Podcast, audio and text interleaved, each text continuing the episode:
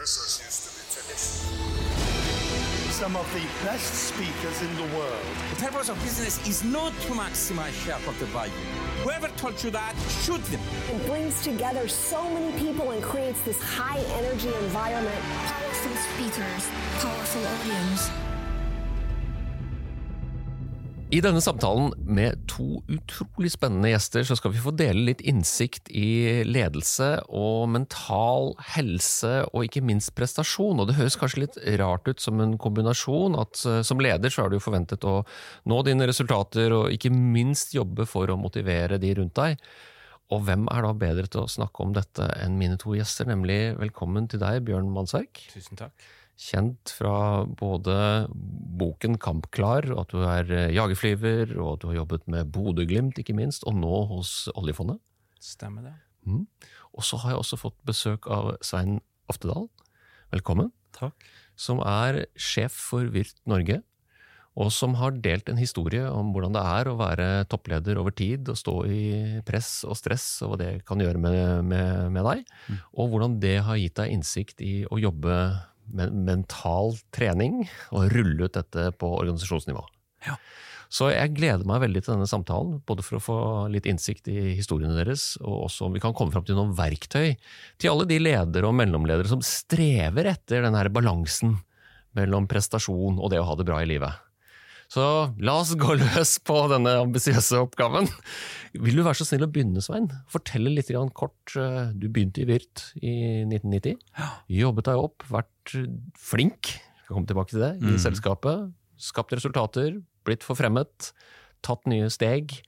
Og endte opp med å være på konsernnivå og ha ledelse over både mange ansatte og mange land. Stemmer det. Så var det noe jeg utelot her nå i den kortversjonen? Nei, det var en veldig kort versjon, men god. Ja, nei, man kan jo, Når man har 33 år i et selskap, så man kan jo spørre seg om er det fordi man er lojal, eller fordi man ikke har turt å bytte jobb. Det, det kan man se på to forskjellige måter. Men eh, nei, konsernet er eh, Det har vært en fantastisk reise, egentlig, fra, fra starten. Begynte jo som markedskonsulent og ble divisjonssjef. og ble huket av eieren vår, faktisk, eh, til en utfordring i 2001 til å ta over et, et selskap i nabolandet, Vyrt Sveits, nei, Vyrt Sveits, Vyrt Sverige, som hadde slitt med resultatet lenge. Og mange administrerende hadde kommet og gått, eller verkstellende direktør, som det vel heter. Um, og jeg tenkte at åh, nei, vær så snill, ikke Sverige. Men um, jeg spurte om å få 48 timer å tenke meg om, og han ga meg to. Så da var det bare å si ja med en gang. og noen uker etterpå så var jeg på vei til Ørebro og tok over et selskap med egentlig null selvtillit. 40 millioner underskudd. Og um, vi greide å snu dette her på to år til, eh, til, en, til et bra pluss og svarte tall på bunnlinjen. Um, og den prosessen her skal jeg ikke gå for mye inn i, men det det handler om der, det var liksom før jeg oppdaget det jeg står i nå, det var det å involvere disse 212 medarbeiderne i strategiprosessen. Høres rart ut, men gjorde faktisk det. Og effekten kom jo av at de kjente seg igjen i strategiplanen vår. At de hadde fått være med. Um, og det var ikke noe som var utvikla av ledergruppen på flott hotell. Så um, det funka bra, og kom tilbake som administrerende Vyrt i 2004, Vyrt Norge.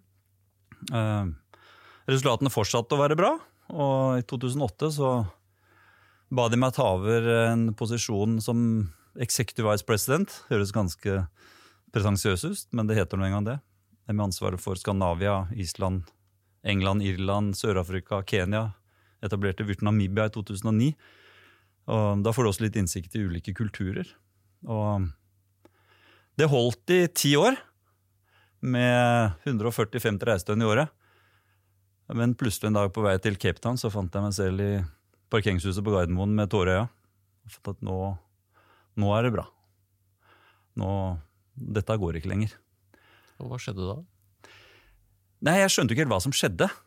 Jeg hadde jo ledd av det der å gå i veggen i, i, i, i 30 år, holdt jeg på å si. Syns det var ordentlig tull. Um, dessverre var det mye av det.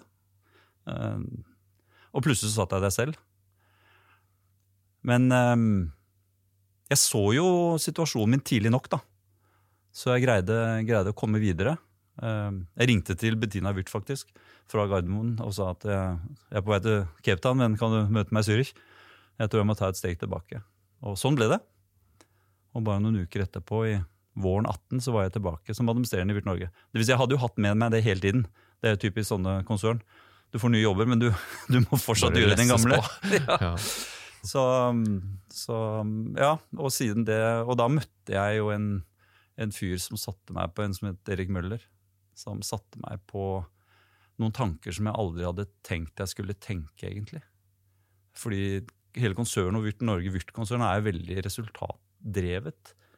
Veldig salgsorientert. Altså 90 000 ansatte, hvor halvparten er i salg. Og um, det å legge bort det fokuset, det var, eh, det var et stort steg. Og um, jeg vet ikke, vet ikke når dette der kommer, men liksom Jeg måtte få styr på egen, mitt eget hode først. da. Og lærte noen teknikker som han kalte for mindfulness. da. Det var, jeg var en av de som på en måte hadde ledd og trodde mindfulness var ja, kvinner og menn på min alder, sånn pluss-minus 60, som satt på ei strand og snakka med havet. Men eh, jeg skjønte jo fort at dette var enkle teknikker for å få kontroll på den overtenkende hjernen. Og i den prosessen så, så kom oss dette begrepet growth mindset. Som er et sånn dumt ord, egentlig, for jeg har ikke funnet noe norsk, norsk ord for det. Og rundt dette det her lest Aristoteles-studier fra Google, og det Nadella har gjort til Microsoft. og fant jeg at dette her må jeg bare gjøre noe med. Eh, Vi må, vi må begynne å tenke atferd og team fremfor, eh, fremfor resultat og individ. Så det var der det starta, egentlig. Vi skal komme tilbake til det, og tusen takk for at du deler denne historien din. Og, og dere har gjort det i selskapet, så hold ut. Snart et nytt spørsmål. Bjørn, dette er veldig spennende å høre. Ja, det er det. Det er alltid det. Man får sånne personlige historier. Hva kjenner du igjen fra din egen si, karriere? Du var lenge i, i jagerflyenheten. Og så gjorde du disse overgangene, men hva, hva er det som gir gjenklang hos deg når du hører Svein snakke her?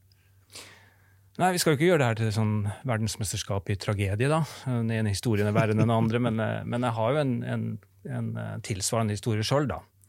Uh, du må jo huske at det å bli jagerflyger, det var jo min store, store drøm. ikke sant? Så jeg, levde jo ut min drøm, og jeg var jo i et fantastisk miljø. Alt ligger til rette for at jeg skal bli så god som overhodet mulig. Raskest mulig.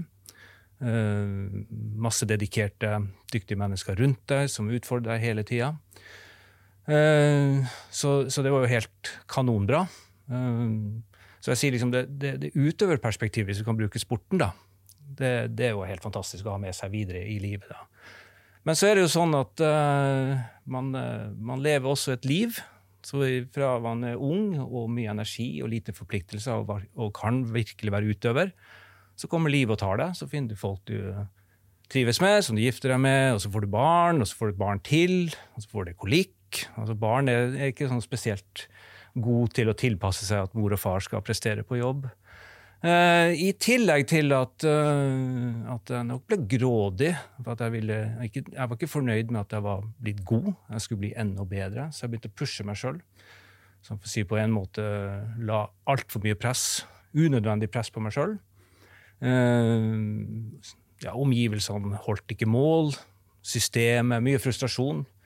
Eh, og det her, det her ble Det ble såpass ille. Søvnen begynte å ryke. Eh, og kom til et punkt der jeg, virkelig merka at den mentale kapasiteten den, den, den forsvant. Eh, og jeg syntes ikke det her var gøy, og det begynte å poppe opp sånne tanker om at jeg må søke meg en annen jobb. Gjerne en jobb som ikke er flyging, for å eh, slippe belastninga. Og det var jo heldigvis, kan du si, flagget som poppa opp da. Å ja, lever ut min drøm, og nå vil jeg bort. Så da, så da satte jeg meg på en måte litt ned og tenkte litt rundt hva, hva er det her for noe. Jeg er på rett plass, men hvorfor har jeg det så jævla kjipt, da? Når jeg er på rett plass. Og da, da Da måtte jeg egentlig lure meg sjøl litt. Eh, Jeg måtte se litt på det. Hvis jeg fortsetter det trøkket her, så tenker jeg hold et år til, og så er jeg på'n igjen. Da må jeg søke meg bort. Litt som matematikk. Eh, Det nivået her i ett år det gir et areal. Men hvis jeg senker det, det der eh, kravet til meg sjøl, så tror jeg jeg kan holde i fem år. Det blir et mye større areal. Det er bra for meg. Og så tror jeg jammen ta det er bra for eh, organisasjonen. Og, og det er egentlig en sånn ren mental greie. Så, sånn gjør kanskje ikke så mye, men du senker ambisjonsnivået. Du blir liksom go a little bit more with the flow. Og så holdt jeg i ti år, og det var virkelig da jeg følte at jeg presterte. Når jeg slapp bort det unødvendige presset. Så, så um, ja, det er litt sånn parallelt med deg. Og så uh, mindfulness. Det dukka også opp. Litt tilfeldig, det òg. I 2010 så hadde vi et uh, prosjekt. Vi visste egentlig ikke hva det var. Vi hadde bare hørt at mental trening var bra for uh, idrettsutøvere. Så vi tenkte da funker det sikkert for en jagerflyger òg. Så kom vi inn, fikk vi Anders Mæland, som var faglig ansvarlig for det her. Han jobba da på Flymedisinsk institutt i Luftforsvaret. Jobba også inn mot toppidrett, Olympiatoppen. Og han presenterte Olympiatoppens modell for mental trening. Og den, den, det han sa der, da, at vi kan følge den, eller så kan vi kan vi høre litt på den diskusjonen som går på Olympiatoppen nå. og det er at uansett hvilket område vi, eller mer eller mindre uansett hvilket område vi jobber med i modellen, så er oppmerksomhet en fellesnevner. Det høres litt sånn logisk ut, egentlig. Du må være til stede i det du gjør. Men man lurer på, hvis man, man legger vekt, eller bare går på oppmerksomhetstrening, kan vi da, har vi da funnet en shortcut? Kan vi spare litt? Og det var jo vel, vi veldig klar for, da, for vi, vi jobba nok, for å si det sånn. Og så sier vi ja, vi går for det. Og da kom han med det der mindfulness. Mm. så da satt vi, da holdt på i et år. Da mediterte vi flere ganger i uka, på jobb og hjemme. Og, og en voldsom effekt, da. Ja. Så litt parallell historie. Ja. Og Det er veldig fint å høre på, og, det var akkurat dette jeg har hoppet på. At vi skulle få en veldig god start her på en bevisstgjøring, også blant oss som nå står og prater, men også du som hører på. At det starter jo forhåpentligvis med en erkjennelse og så noen input fra utsiden. Og det tenker jeg ofte på i forhold til den utviklingen man har som menneske. da. Så er man jo avhengig av et eller annet som gjør at man begynner å tenke litt annerledes. Er ikke det riktig? Så det må komme noe enten utenfra, eller fra, som fra ditt tilfelle innenfra også, da. Men det var jo det presset, og over tid vil jeg tro det prestasjonsforventningene, muligens, som Bjørn sier her, lagt på deg selv. Kan det stemme? Kjenner du igjen det Bjørn sier? Ja, for så vidt. Det er den derre Vi nevnte litt dette med flinkhet. Du vil være flink? Ja, det er, det er innmari farlig, altså. Men Bjørn kobler også til grådighet, og jeg syns det er så bra ja. at han bruker det ordet, for man vil gjerne vise overfor andre, og kanskje også seg selv, at mm. jeg kan ta det enda et lite nivå. Mm. Er det ikke sånn? Jo, det er litt sånn. Men det er liksom, altså flinkhet står liksom i, i kontrast til sårbarhet. da. Um, og det var jo mange som, når jeg ga fra meg en drømmejobb med 3500 medarbeidere og 12 selskaper og reiste Alle trodde jeg fikk fyken. Ja. det var jo det folk trodde. Fordi du liksom slutta? Ja. ja. Du, du, sier ikke fra deg en sånn jobb. Men jeg bare, så, som, som, som, Bjørn sier, altså det, er, det gikk bare ikke lenger. Og jeg greide ikke å være noen annen enn den jeg var. Og, og derfor så åpna jeg helt opp, og har fått så mye tilbake av egne kolleger også. Mm. Som, og, det, og kan du si, lederes sårbarhet er jo grunnlaget for endring. Hvis vi alltid skal se perfekte ut og være flinke, det, da, da, da tror jeg ikke det funker. Og et ord du bruker, Bjørn, vet jeg, det er jo bærekraft. Og du snakket vel om at det, er, det er, ligger der i erkjennelsen din når du prøver å dytte det og lager deg dette regnestykket ditt da, om å ta ned, ta ned dette her Ja, få et større areal, da. Ja, det, det, gjør det, ikke sant. Og, og um, jeg nevnte jo at jeg har liksom uh, utøverperspektivet. Uh, så har jeg også lederperspektivet, for jeg var jo leder i, i organisasjonen. Uh, og det var, min store lederfrustrasjon var faktisk at jeg så at de andre gikk i samme fella som meg. Altså, vi var ganske like da. Så, så, og da kunne jeg jo sette meg ned, men det var lett å se. Det er lett å se at folk begynner å, å nærme seg eh, veggen, i hvert fall hvis du har vært der sjøl. Eh, så sett meg ned, prat med de, utfordre litt. Vi er faktisk enige om det. Eh, jeg deler min erfaring hva jeg har gjort, som har funka. De syns de også høres fornuftig ut, men de fortsetter i samme tralten. da. Eller for mange gjorde det og ble faktisk borte. Og de ble borte på, på, et tidspunkt der de var som mest produktive, for å si det sånn. De var kommet opp på et nivå, gjerne fire-fem år på skvadron, eh, hvor du har gitt gass. Eh, og blitt så dyktig at nå kan du begynne å gi tilbake. Altså, helt sånn formelt blir du sjekka ut som instruktør. da. Og da har vi virkelig bruk for dem de neste årene. Så, som, som, sjef da, eller som leder i organisasjonen så er jeg veldig interessert i at de skal bli, fordi det er bra for organisasjonen. Eh, Så, men, men de beit ikke på. Eh, Men når jeg fikk presentert denne mindfulness-metoden, altså oppmerksomhetstreninga, så sa jeg der kan løsninga være. For jeg så særlig et militært system hvor, eh, hvor jeg er formell leder, vi har distinksjoner, vi er vant til å motta ordre og utføre oppdrag, løse oppdrag. Så er man jo liksom Ingvar Wilhelmsen, hypokonderlegen, sier det er sjef i eget liv. Altså du, du velger de, og ta de beslutningene sjøl. Men det opplevde jeg gjennom mindfulness. Det gir altså en, en, en økt en veldig økt evne til å kunne se seg sjøl, da. Hva er, hva er det som er viktig for meg? Hva er mine prioriteringer, mine verdier? Og så rent opp imot prestasjon òg, da, som vi bruker nå. Det er jo liksom hva er nå mine styrker? Hva er mine svakheter? Sårbarheter? Hva gir energi? Hva tapper energi? Utrolig uh, viktig da i forhold til både prestasjon men, men det, det jeg sier med bærekraft, da, det er det at altså, som en organisasjon så er vi interessert i at folk skal holde lenge. Men da må vi ha nok kraft til å bære den belastninga vi står overfor. Det er det vi tenker på bærekraft i forhold til individ. Men vi tenker også bærekraft i forhold til organisasjon. Fordi vi må hele tida holde tritt med utviklinga. Så, vi, så den, den bærekraftige delen på organisasjonen, det går på at vi, at vi sørger for at vi har en arena eller system eller rutiner for å eh, evaluere, ta læring, dele det. eh, at vi tåler å utfordre hverandre, så vi kontinuerlig forbedring. Og så kommer liksom toppnivået. Da. Det, sier det, det der hvor vi faktisk kan lede inn i det ukjente. Og der, der snakker vi om ja, diversity eller mangfold. Få det aktivert. Og så håndtere den friksjonen som måtte komme, sannsynligvis. Sånn at organisasjonen forblir både relevant og attraktiv for alltid. Så det er bærekraft i to perspektiv. Jeg vil tro at dette er samklang i hva dere nå ruller ut i Virt, og som du har jobbet med de Ja. siste årene. For det som er fortsettelse av din historie, er jo at du tar tak i dette på organisasjonsnivå. Ja, Litt på egen hånd, nesten. Nesten på egen hånd. Du har ikke fått noe go fra Tyskland for å Nei, gjøre dette, du har bare gjort det. Jeg håper ikke denne, denne, denne podkasten forstås av tyskere. For at, nei, jeg, jeg gikk jo på tvers av det som var mye sannheten i, i et sånn, en sånn salgsmaskin som vi var. Men bare komme litt tilbake til det du sa, Ørn, rundt dette med mindfulness og dette dumme ordet growth mindset igjen. Den, det innebærer jo denne troen på at hjernen er plastisk. Denne troen på at hjernen kan lære. Eh, og til forskjell for the fixed mindset, da, som jeg ikke finner noe norsk ord for, hvor man tror at man er født med et, med et sett talenter, evner, og at du er enten født glup eller så er du født dum. liksom. Og det, hvis du ser tilbake, hvert fall på min skolegang, hvor fort barn blir satt i bås. Fordi de Da var jo dysleksi var ikke kjent engang. De, altså, det ble jo sett på som dum. Og i etterkant, det er helt forferdelig.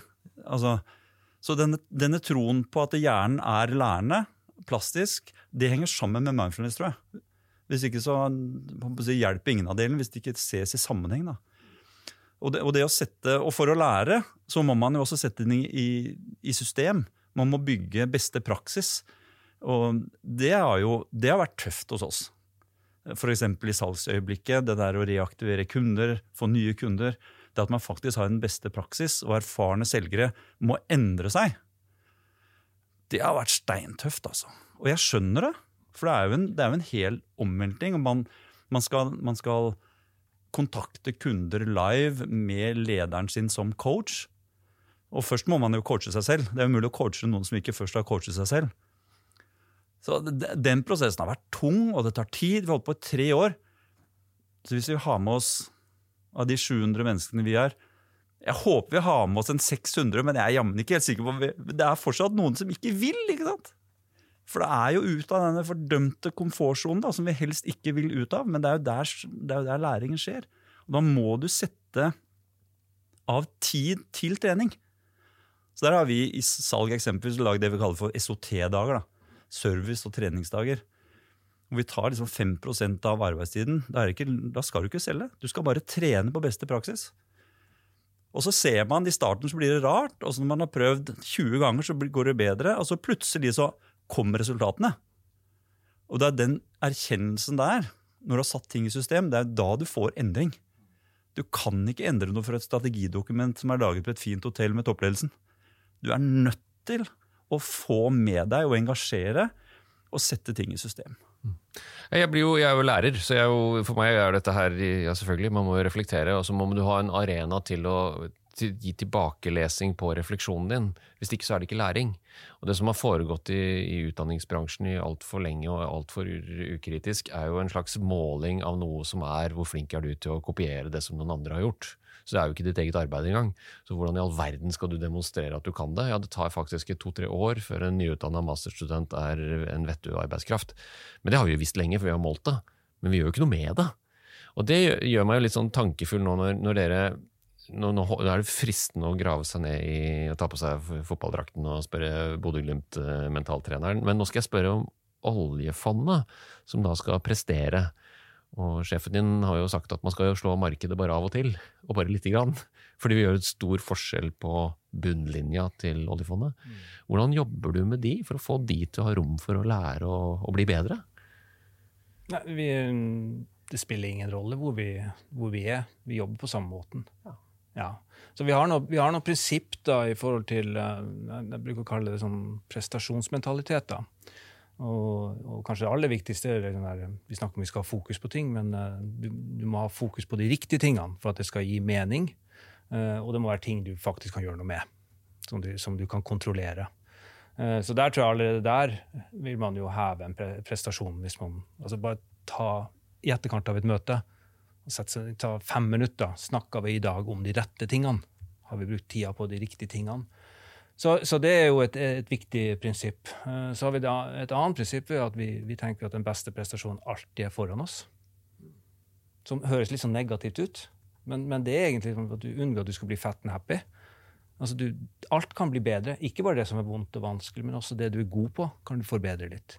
Så sånn sett så vil du konstant være litt, litt misfornøyd i forhold til målet ditt. da, men du kan være totalt fornøyd i, i, i, i nuet, fordi du vet at innsatsen i dag den har vært helt topp. Og så jobber vi, jobber vi, eh, jobber ut ifra 1% eh, forbedring. Altså det å forbedre seg 1% hver eneste dag. Det, det, høres litt ut, men det blir litt over tid på et individ. Og det blir ganske mye på en organisasjon. Og så vet vi at det er det som er mulig å Altså det er det som gir øk, høyest sjanse for at du får gjennomført det. Nå kommer jo nyttårsaften opp snart. De fortsettene, ikke sant? De, de, for det første går, skal det skje i januar, og det blir gjerne 20-30 Og det, det, ryker for veldig mange. Så vi, veldig sånn, vi jobber veldig mye med å dra ned ambisjonen. Og så, er det så, så litt, for, litt, forbedring, og så få noe med deg de her forbedringene. For vi er ikke så gode på å identifisere hva vi er gode på. Vi, vi henger oss opp i hva vi ikke får til. Men det er klart, når du skal lære noe nytt, så det kommer til å være masse feiling. Men du må jo se etter at Oi, her fikk vi det til. Så, så det er prinsippene vi jobber med. Men for å få fasilitert det, for vi vet at ting tar tid, så, så kjører vi program eh, på de ansatte. Individprogram og teamprogram som varer i seks måneder. Hvor vi eh, intervenerer én gang i måneden, og så holder vi oss unna. Så vi har sånn eh, vi som, som, som, jobber med det her, da, vi, vi prøver å ha sånn outsider-perspektiv. Så det er veldig lett for oss å komme inn liksom, sånn som vi, Snakker vi én til én, så har vi en gruppesamtale, og så drar vi ut. Der fikk vi et snapshot. Kommer vi et, kommer tilbake etter en måned, så ser vi hvordan har det gått. Én til én, gruppesamtale. Så ser vi endring mye bedre enn eh, de som er i organisasjonen. Men så er det ikke for sjelden til at de mister momentum, så vi pusher de, ikke sant? Men ikke for ofte sånn at de blir leid i handa. Altså. der, der, har du et innmari godt poeng. for at Jeg har brukt Bodø-Glimt litt i mine eksempler. Alpinlandslaget, som var det første som lagde individuell idrett over til lag. Jeg har brukt håndballjentene noe. Men samtidig så er jeg på at vi skal jo ikke, vi skal jo ikke bli verdensmestere. Jeg, vi skal ikke hoppe i stikk, men vi skal strekke stikken litt. Vi skal liksom bli, hvis alle blir litt bedre på det vi gjør. Ja. Så det, det, er, ja, det, er, utrolig viktig. Altså for, for disse, disse voldsomme eksemplene man bruker fra toppidrett, det kan jo også skremme. Er, man kan bruke det, men man skal være forsiktig. For det er, vi skal ikke bli, det er ikke dit vi skal. I hvert fall ikke vi. Vi skal bare bli litt bedre. Ja, Vi, vi, vi har jo også et, et, et, siste prinsipp der er jo at vi presterer ut ifra dine forutsetninger. Så du, du kan være høyt presterende med en brekt fot. Men det er klart, er ikke foten brekt, så vil si, resultatet på den fotballspilleren vil være mye mye bedre, men du kan være høypresterende i din restitusjon. Og det, jeg må bare nevne det. Sånn, eh, man tenker høy prestasjon. Jeg tror veldig mange kobler det til eliten. Men, men, eh, men eh, jeg tenker koble til psykisk helse. Altså mental helse. Altså, se på de som, som sliter med å komme seg opp av senga om morgenen, men de klarer det. Får ikke snakke om de som sliter med å holde seg sjøl i live, ikke sant? Men de klarer det. Ekstremt høyt presterende. Så, så, jeg tror vi har masse å lære av å gå inn i sånn. Det er de samme mekanismene. Det, jo, og det, det kan jo òg nevne at vi, vi, Når du vandrer litt imellom de her forskjellige miljøene hvor folk er sabla dyktige på det de gjør uh, og så man kan lure på er det noe å hente her, da, så viser at vi, vi mennesker vi, Folk er folk. Vi, vi, har de samme utfordringene, men vi har også de samme mulighetene. Så det, det er det vi prøver å, å dra ut av og, og dele ut. Den, ja, ja. Ja, det, det vi også har sett på dette, Vi har jo vært i, i hele vår historie veldig individorientert. Og jeg, ser, jeg har lært hvor mye mer kraft det er i et, i et lag, i et team, enn det er i enkeltindividet. Og, og, og, da kom et nytt sånn, nei, blitt litt sånn, Jeg hadde ikke hørt det ordet for fire år siden, men nå hører jeg det hele tiden. Det, dette med psykologisk trygghet. Altså For at et team, et lag, skal bli bra, så må du ha det jeg definerer som det at alle tør å si det de mener. da, Uten at det skal være redde for at det skal være noen negative konsekvenser av det. Selv om det er kritikk av sjefen. eller hva Det er. Og det, det, jo, det var jo nummer én etter Aristoteles-studiet som Google gjorde, som kjente en liksom, effektive, gode team. At det var en psykologisk trygghet i For ellers så får du ikke frigjort kompetansen. Så det har, det har også vært et ekstremt Vi har endret masse hele til og med lønnssystemet vårt. har vi endret liksom, at det, det, går på teamprestasjon. Og Selgere som aldri før har gjort det, begynte å ringe kollegaer og si skal jeg hjelpe deg. eller jeg ser du henger litt etter nå. Liksom. Aldri skjedd før. Jeg har lyst til å følge på litt på psykologisk trygghet. for. Jeg har noe, Kanskje, kanskje noen brannfakler litt der som provoserer. Men når jeg beskrev liksom den der bærekraftige organisasjonen, den er mynta på sånn som jeg ser på jagerflykulturen. ikke sant? Vi, vi, vi, vi, måtte bruke oss sjøl på kompetanse, og det er jo ikke bestandig fant svar, så vi måtte finne løsninger sjøl. Uh, og som jeg sier, da blir det friksjon. Det er en, det er en del sterke meninger der, og en, en del um, passion. Så, så, det måtte håndteres. Vi hadde ikke et ord på det her. Uh, vi ga feedback så ganske straighte pucker, uh, som var direkte, som var rett og slett ubehagelig å få. men det var med en god intensjon. Vi, vi, vi visste ikke hva denne innramminga var. vi visste ikke hva det var i Bodø-Glimt heller før det kom noen eh, masterstudenter som ville intervjue oss. Og så fikk vi oppgaven etterpå, det de har skapt psykologisk trygghet. Det var første gang vi hørte om psykologisk mm. trygghet. Men nå syns jeg alle snakker om det. Uh, og jeg har sågar sett at jeg tror faktisk det kan komme i veien for prestasjon. Fordi, Hvordan mener du det? Ja, nå skal du høre. Fordi begynte, å, begynte å tenke litt på hvordan er det faktisk i Bodø-Glimt. Hvordan var det på Jagerflyskvadronen?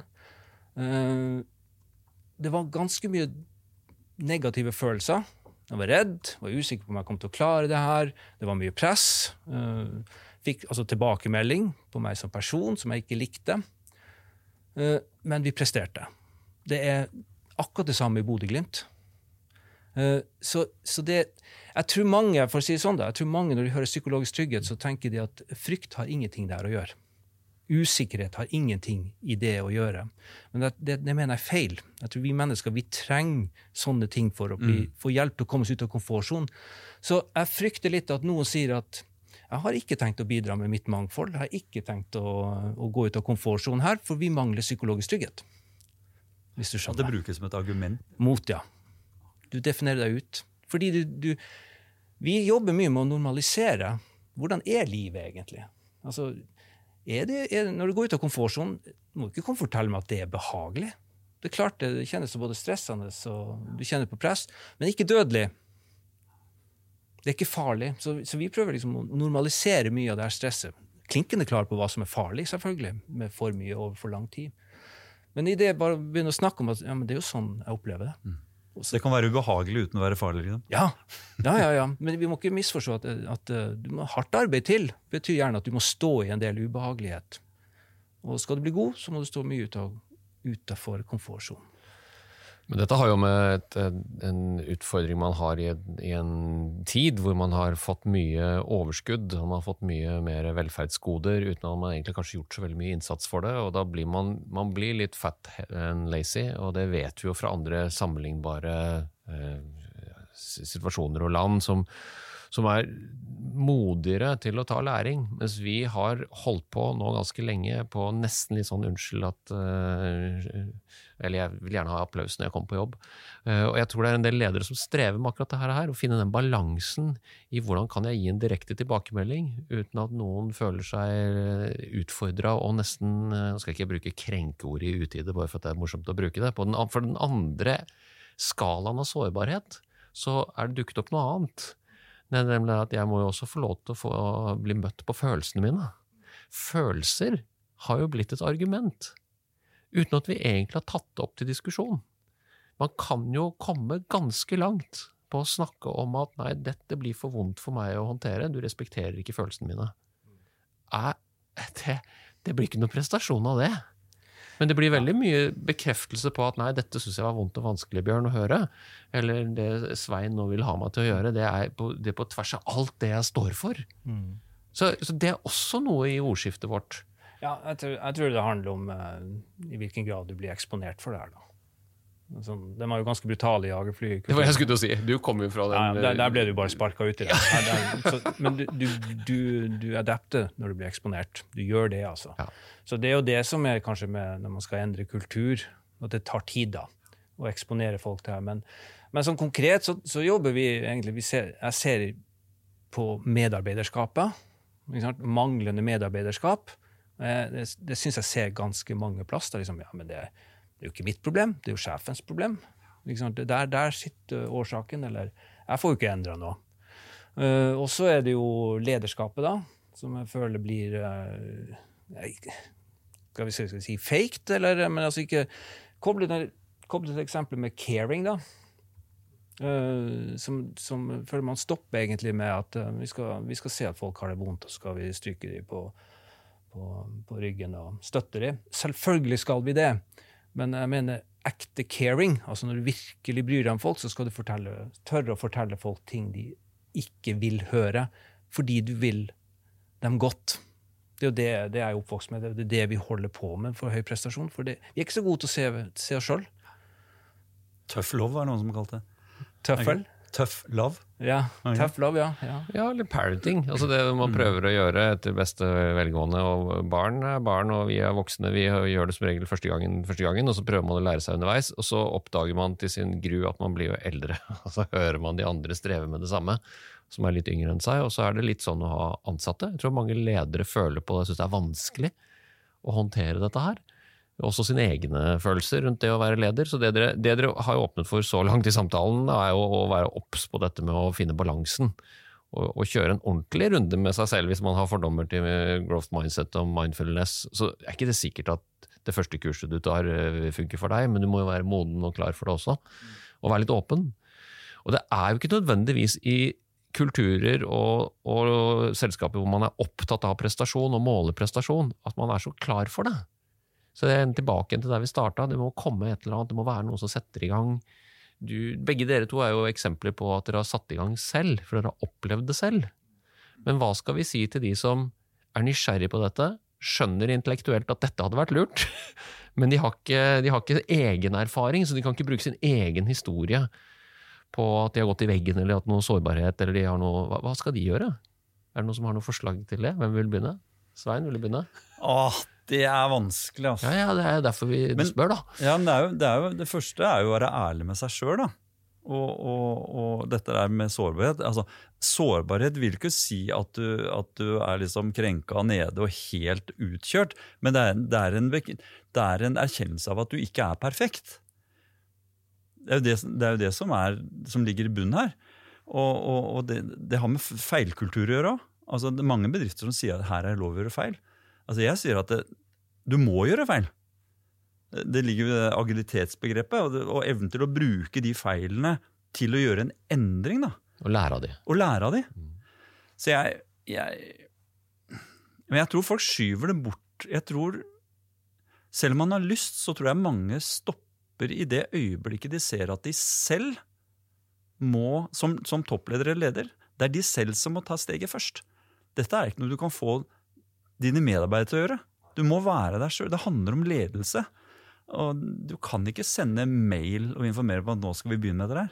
Du må erkjenne det selv. Det var mye lettere under pandemien, for da fikk man jo tvunget alle over på Teams. For da kunne jo lederen snakke inn i Ja, jeg elsket jo pandemien sånn sett. Det var deilig. ja, Nå må jeg bare ikke være så synlig hele tiden.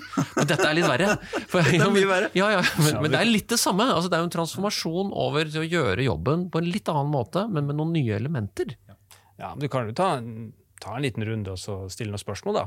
Altså, der, ja. Hvilken bevissthet har du i forhold til det? La oss, la oss nå da si en eller annen CEO som sier at jeg, ja, jeg vil ha psykologisk trygghet i organisasjonen min. Og da er det greit også, at jeg har lederperspektiv ikke sant, fra, fra skolen. Ja, vet du egentlig hva du ber om? Ikke sant? Vet du egentlig hva du ber om, og har du verktøya til å håndtere det? Og har du trua på friksjon, at det tar oss til en bedre plass? Så begynne der, da. Eh, eller eh, jeg syns folk er ganske lemfeldige med begrepet i, er en høytpresterende organisasjon. Ja, er du det? Hvilken referanse har du, og er du egentlig villig til å gå dit? Er vi klar for å være der? Så jeg tenker liksom, Still litt sånn spørsmål og, og, og bevisstgjøring. Og, og så ser vi jo igjen tilbake til psykologisk trygghet. Jeg Jeg syns det er så interessant, da. Så du kan, du kan på en måte vedta det du kan, i en organisasjon. Så du sier ja, det vil jeg ha. Eh, Jeg forstår utfordringa med det, og jeg, tror jeg har verktøy til å håndtere det. Eh, Men det er ikke plug and play med folk, selv om alt er på plass i organisasjonen. For folk må sjøl, hvert en- enkelt individ må føle seg trygg nok til å bidra. Så det er også en av grunnene til at vi jobber med individ og gruppe. Fordi vi må skape trygge mennesker. Og det, det, det litt tilbake til det du sa, men det, det starter i barndommen, hvordan vi premierer barna. Det er gjerne på uh, ferdigheter, hva du gjør. Og det der er litt til fotballen. Når, jeg kom inn i fotballen, så, så ble jeg møtt med selvtillit. Spørsmål om selvtillit, eller manglende selvtillit. da. Og, og, og for meg så ble det ganske meningsløst og, og veldig sårbart, fordi de, de identifiserte seg i hva de gjorde. De var fotballspiller, og de bekrefta at når det gikk dårlig med fotballen, så følte jeg seg dårlig som menneske. Ikke sant? Så da er jo sånn, sånn fleipete, men litt sånn logikken her er jo at da må vi jo heller bare begynne å forberede oss på den dagen du skal legge skoene på hylla, for da blir jo du et dårlig menneske. Vi skal følge den logikken. Så, så vi liker å jobbe med selvfølelse, da. Altså premiere deg for den du er. Og det er viktig i forhold til å, at du føler deg trygg nok til at du kan release det mangfoldet du har. Ikke sant? Du kan bidra i den psykologiske tryggheten. Så, så der skiller vi ganske klart, altså. Men det tror jeg vi det der med, med barn så liksom, Det var en fin tegning. Da tegner du en til sånn tegning. Jeg tror ikke vi er gode nok på å premiere barna. Jeg er veldig glad for å høre dette, jeg har jobbet i mange år med unge og forretningsutviklere. og det, er, det å skille og differensiere på det med selvfølelse og selvbilde og selvtillit. For selvtillit kommer jo når du repetitivt gjør ting til det bedre, og du ser prestasjonen, men det trenger ikke nødvendigvis være noe du måler. Og da kommer vi tilbake til det er veldig mye som betinges av den, den kulturen eller den organisasjonen man er i. Og der er det jo et stort ansvar til lederen. Og i klasserommet eller utdanningsinstitusjonen der jeg kommer fra, så er det jo, er jo foreleseren eller kursansvarlig da, som setter den standarden for hva man forventer at man skal måle. Og Det er altså litt sånn trøstesløst å tenke på at veldig mye måling foregår jo på den derre KPI-tenkningen fortsatt. Og så kliner man inn litt sånn myke elementer og til og med litt mindfulness og growth mindset, uten å gjøre det Bjørn spør om. Litt sånn, nesten sånn inkvisitorisk. Er vi klare for dette? Vet vi hva det innebærer? Har vi noen målestokk? Så har dere, gjort, har dere noen målestokk, eller er det, hva, hvordan gjør dere vidt? Ja, altså, vi, altså, vi har jo etablert den beste praksisen. Ja. Og klart, Jeg har jo lært etter så mange år, og jeg har trodd alltid, og jeg har hatt masse fokus på å finne systemer og brukt mye av hoden, tankene mine på å finne hvordan skal jeg kontrollere at folk gjør det de skal. Men jeg har jo lært nå at pokkeren heller, det er jo nesten ingen Alle ønsker å gjøre en god jobb. Men vi, vi som leder må jo skaffe, skape de rammene. Det er ingen som har lyst til å legge seg i senga på kvelden og gni seg inn og si at i dag greide jeg å lure arbeidsgiveren min for to timer. Jeg skulka. Det er ikke det folk vil. Alle de alle, ne, Det finnes sikkert, sikkert noen hybelkaniner i alle organisasjoner, men, men de aller fleste mennesker ønsker å gjøre en god jobb. Og utvikle seg. Utvikle seg. Men det er jo typisk frykt, da. Mm. Man, tar, man, man hiver seg over de unntakene, og så sier man ja, men da, da, alle kommer jo til å gjøre sånn. Mm. Og så stopper den prosessen. Så det, det går ganske ekstremt. da. Det, men, det, men jeg har veldig respekt for folk, folk at det er stor motstand mot å, å tenke sånn rendyrka prestasjon, og ikke resultat. da. Fordi, fordi det, det vanlige er jo resultat. Det er jo, det vi, det er jo den store store referansen. Så det tar tid. Og det gjorde det i Bodø-Glimt òg. Men, du vet Men det er jo et resultat av atferd uansett. liksom. Det er jo Ja. som, som, som tar deg dit. Ja. Og du, snakket om barnet i stad. Altså, det, er ikke noe jeg finner på. Jeg leste en sånn, Vi er jo født med et growth mindset. Altså Hvis du lærer en liten unge å gå, hvor den detter og detter og detter og detter Det er jo ikke sånn at ungen plutselig sier at nei, med gåing er ikke noe for meg, jeg blir her nede. Altså det er jo, Du må legge rammer for at folk skal få trene. På det vi har sagt, eller det de selv har, skapt som beste praksis. Ja, og kanskje der dere har beskrevet det som utafor komfortsonen, eller når det ikke lenger er gøy eller underholdende. Vi lever jo også i en tid hvor du, du blir sentralstimulert fra du er bitte, bitte liten, med lyd og bilder og alt mulig slags oppmerksomhet og tilbakemeldinger og, og tommel opp og hvordan går det. Og det, det kan nok hende at uh, man, man blir litt sånn sårbar i sin egen frykt for å skulle mislykkes. For at alt Ja, du vil se at flink ut. ja, nettopp. Da er vi tilbake igjen til det. Begrepet flink må vi Jeg syns vi skal legge det til lista, Bjørn. At eh, når man skal gjøre den der eh, avsjekken på er du klar for dette, leder, og din ledergruppe, flink bør man sette seg ned og diskutere. Hva er flinkhet i vår organisasjon? Er du enig? Kunne du sagt det til gjengen i Bodø-Glimt-garderoben? Hvor flinke er vi til dette? Eller hadde de bare ledd av deg? Det har ikke noe med flinkhet å gjøre. Nei, det, da tror jeg bare ledd av meg. Ja, ikke sant? Ja. For de er allerede forbi det. Ja, de er langt forbi der. Men det, men det der tror jeg igjen kobler opp til den, den såkalte selvfølelsen. da. Som, fordi at vi, mener, vi mener at vi begynner å nå et høyt nivå på selvfølelse når, når du egentlig ikke er så veldig opptatt av hva andre mener om deg. Eh, i kanskje hva du sier og hva du gjør. Og du, heller ikke så, du, du blir ikke påvirka av at du gjør feil. Du står ganske trygt i det likevel. Og du har fått den innsikten ikke sant, med at det er menneskelig å feile. og sånn der. Og det er bare sånn igjen, altså Jeg ble møtt i Bodø-Glimt med mye selvtillitsprat. eh, og så fokuserte vi på selvfølelse. Og for to, to år siden så tok jeg opp temaet med et par av de mest erfarne spillerne. Og så sier jeg det er lenge siden jeg har hørt dere snakke om selvtillit. Og da sa de at ja, altså det, prestasjonen min går jo litt opp og ned, men det er ikke sånn at jeg tenker på manglende selvtillit når, når det ikke fungerer. Jeg vet hva jeg skal jobbe med. Og, og, og det er også det der med selvtillit ble egentlig en unnskyldning, og veldig, veldig upresist. Du, du, vet, du vet ikke hvilken knapp du skal trykke på. Men det er ikke Bodø også litt sånn, litt sånn på en måte, Spillere kommer og går, men systemet består. Altså, jeg, når man har sett på det, hvis man følger litt med på fotball Nå, nå beveger jeg meg inn i ditt område, så jeg skal være veldig forsiktig her. Men det å hente spillere fra reservebenken i andre lag i Eliteserien, og det har blitt solgt til italienske klubber for titalls millioner Men så er ikke alltid det funker. Så kommer de tilbake, så blir de gode igjen. på en måte. Ja, Det syns jeg er helt rått. Ja, men jeg, jeg tenkte, det, du sa jo det sjøl, da, med at laget laget betyr så mye.